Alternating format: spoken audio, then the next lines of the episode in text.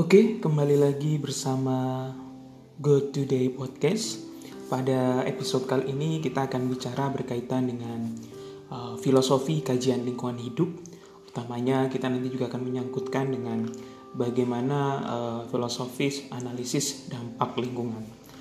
Oke, uh, jadi kalau misalnya kita melihat secara filosofis kajian terhadap lingkungan hidup yang menjadi ancaman dari suatu rencana kegiatan pembangunan atau katakanlah suatu proyek adalah e, entropi atau kerugian atau ketidakseimbangan yang ditimbulkan e, dari kegiatan yang menggunakan sumber daya alam ya.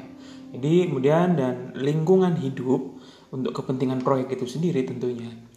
Jadi kalau misalnya kita melihat e, umumnya kegiatan pembangunan atau proyek begitu dapat dipastikan akan menggunakan sumber daya alam dan lingkungan hidup uh, dalam kegiatannya uh, menuju ya keuntungan ekonomi semata begitu ya. Dan kadang kita melihat bahwa uh, perencanaan kegiatan itu menghiraukan keberlanjutan sumber daya alam dan lingkungan hidup. Tentunya tidak semua begitu, tapi uh, mungkin banyak kita temui uh, di lingkungan sekitar kita uh, dampaknya uh, karena mereka menghiraukan keberlanjutan lingkungan. Eh, secara filosofis bahwa kita melihat uh, sumber daya alam dan lingkungan hidup pada uh, dasar begitu ya menyediakan materi dan energi untuk berbagai keperluan pembangunan atau kegiatan proyek tertentu. Misalnya gitu.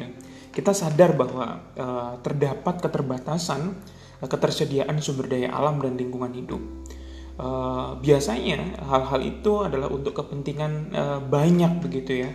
Makhluk hidup termasuk kita sebagai manusia begitu konsumen dan sebagainya.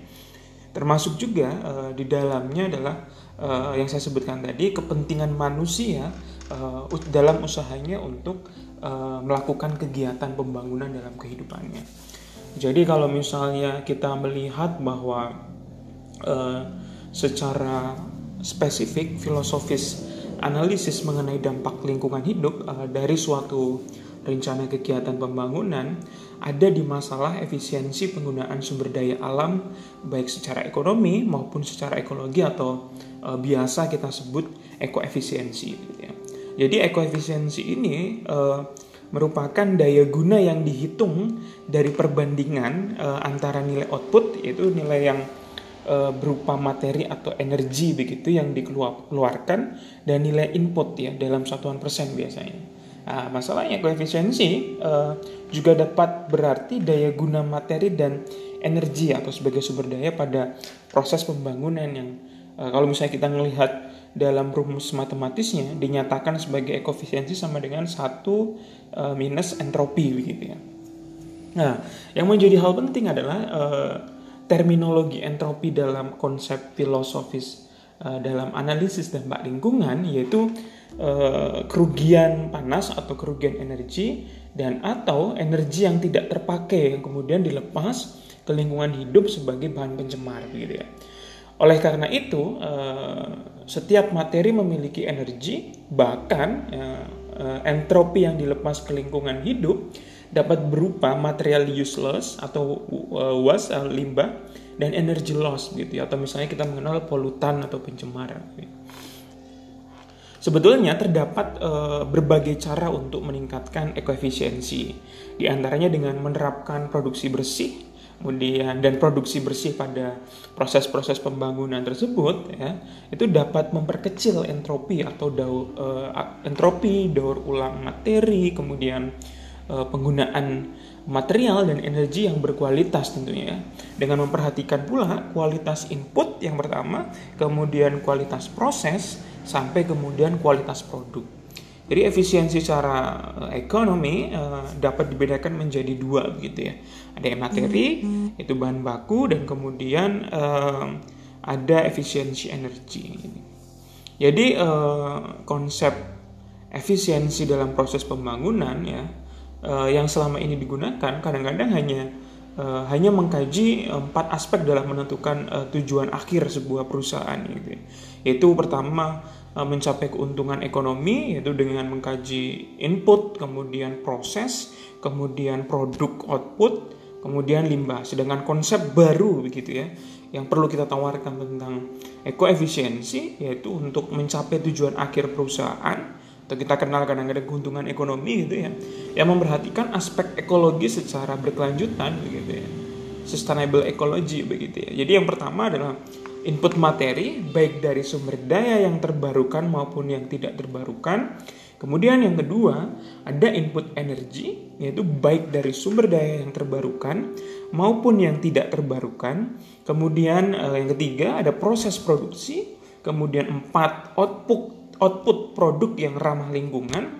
Yang kelima, entropi dalam bentuk, kemudian material useless, dalam bentuk limbah tadi yang saya sebutkan di awal.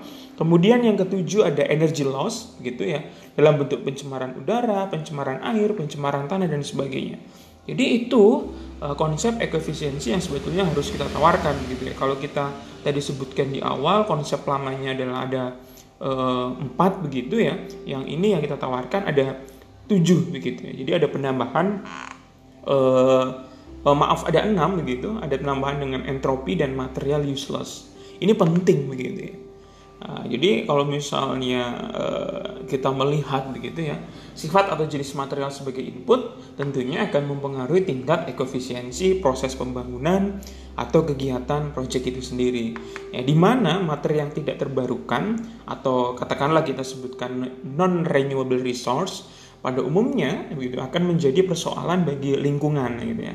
Karena akan memberikan ekofisiensi yang rendah apabila di kemudian hari menjadi entropi yang tidak dapat diasimilasi oleh alam. Jadi kalau saya eh, kita sebutkan bahwa ekofisiensi rendah dengan faktor entropi yang tinggi tentunya akan berimplikasi negatif pada aspek sosial ekonomi dalam bentuk kerugian material uh, ma uh, limbah yang tadi disebutkan atau material useless dan dalam bentuk pencemaran ya energy loss. Terhadap ya baik kesehatan manusia, makhluk biologis lainnya, baik itu di sekitar lingkungan industri dan sebagainya atau bahkan kalau misalnya kita melihat dampaknya bisa memiliki radius tertentu begitu ya. Jadi ini perlu dipikirkan secara matang kemudian tujuannya sebetulnya uh, akan berdampak bagus begitu tentunya akan kita melihat bahwa sustainable development yang akan terjadi di negara kita tentunya akan lebih bagus untuk menjamin bahwa di masa depan kita tetap akan melihat kondisi lingkungan yang tetap akan bagus walaupun juga dibarengi dengan pembangunan yang bagus begitu ya.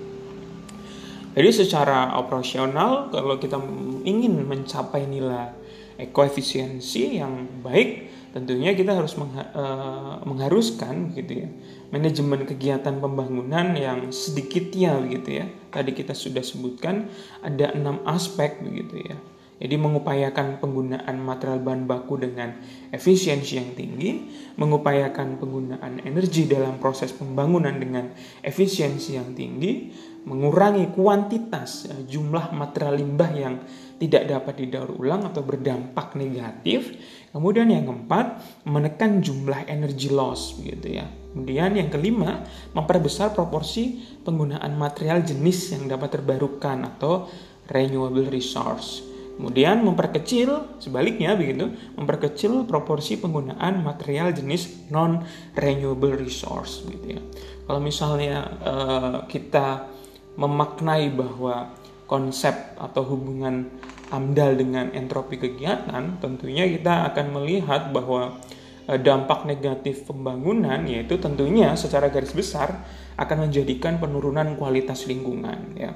Salah satunya begitu ya pencemaran baik ya, terjadi pencemaran udara, tanah begitu, air, kemudian di laut dan sebagainya, di sungai dan sebagainya. Kemudian ada cadangan sumber daya alam yang kian menipis begitu, utamanya berkaitan dengan non renewable resource. Kemudian uh, bisa jadi begitu terjadi bencana yang diakibatkan dari uh, pendampak pembangunan itu sendiri. Mungkin tidak serta merta berdampak secara langsung kalau misalnya kita kaji begitu ya. Bencana alam yang sering terjadi mungkin begitu ya sering terjadi yaitu kekeringan, kadang banjir sampai kemudian banjir bandang begitu ya. Sampai ke yang uh, sifatnya tidak terlihat tapi bisa dirasakan kemudian secara absolut itu terjadi di kita bahkan di dunia global itu ketidakseimbangan iklim akibat dampak pembangunan begitu ya yang tidak ramah lingkungan tentunya. Oleh karenanya kita bisa melihat bahwa e, perlu sinergi antara pembangunan dan lingkungan hidup gitu ya. Kalau misalnya kita gambarkan ya salah satunya adalah e, AMDAL ini sebagai jembatan begitu ya untuk mencapai sinergi tersebut begitu yang intinya sebetulnya begitu e, tujuan akhirnya adalah berkaitan dengan sustainable development gitu ya. Jadi konsep uh, ini sebetulnya menarik kalau misalnya kita pahami bersama bahwa ternyata analisis mengenai dampak lingkungan dengan sustainable sustainable development sekiranya ini bisa kita maknai sebagai uh, rambu-rambu begitu ya untuk kita tetap uh, mengalami proses pembangunan begitu uh, development tanpa mengabaikan kondisi lingkungan hidup yang ada di kita. Tentunya ini akan Eh, menjadi hal-hal yang menarik begitu bagi kita semua. Oke, kemudian kita lanjutkan gitu. Uh, pada dasarnya sebetulnya uh, setiap proses-proses kegiatan pembangunan itu dapat dipastikan akan menggunakan sumber daya alam tentunya dan menghasilkan entropi begitu ya berupa kerugian material, gitu, energi tentunya yang kemudian ini dilepas ke lingkungan sekitar kegiatan gitu ya. Yang dimaksud di sini adalah uh, lingkungan hidup gitu ya. Dampak negatif entropi tersebut tentunya dapat menurunkan kualitas lingkungan hidup gitu ya. Berupa yang tadi saya sebutkan pencemaran dan sebagainya. Jadi kalau misalnya kita melihat gitu ya. Uh, salah satu upaya untuk mencegah dan atau meminimumkan dampak negatif dari proses-proses pembangunan yaitu adalah salah satunya adalah dilakukan studi analisis mengenai dampak lingkungan pada setiap rencana kegiatan pembangunan sehingga yang tadi saya sebutkan di awal dapat tercapai terlaksana sustainable development. Jadi eh, kalau misalnya kita melihat eh, memaknai studi AMDAL adalah menjadi instrumen gitu ya. Instrumen untuk menuju pembangunan berkelanjutan yang memperhatikan aspek lingkungan hidup dan sumber daya alam. Ya, eh, kalau misalnya kita bicara masalah uh, sejarah panjang ya, kita melihat bagaimana uh, sustainable development uh, menjadi bagian penting, uh, bagian dari proses-proses pembangunan yang berusaha untuk memenuhi kebutuhan kita, masyarakat, manusia di masa yang sekarang, tanpa mengurangi kemampuan generasi atau masyarakat mendatang untuk memenuhi kebutuhan mereka. Jadi pembangunan berkelanjutan kita maknai seperti itu. Jadi kalau misalnya kita melihat secara panjang, tekad masyarakat dunia global untuk melaksanakan pembangunan berkelanjutan ini telah dimulai sebetulnya sejak uh, diadakan konferensi Stockholm gitu ya, 1972 yang pada saat itu menanggapi masalah kerusakan lingkungan hidup dan kemudian berlanjut di konferensi Rio de Janeiro, Brazil 92 yang kemudian ini menjadi tonggak penting menghasilkan agenda 21 eh, berkaitan dengan agenda perlindungan eh, lingkungan hidup, pembangunan ekonomi dan sosial serta pembangunan berkelanjutan. Dan kemudian eh, lanjut di 2002 yaitu terjadi konferensi Johannesburg di Afrika yang membangun visi pembangunan berkelanjutan, kemudian ada kesepakatan global di sana dan sampai ada kemitraan antara seluruh masyarakat dunia pada saat itu diwakilkan oleh uh, perwakilan dari negara-negara di dunia.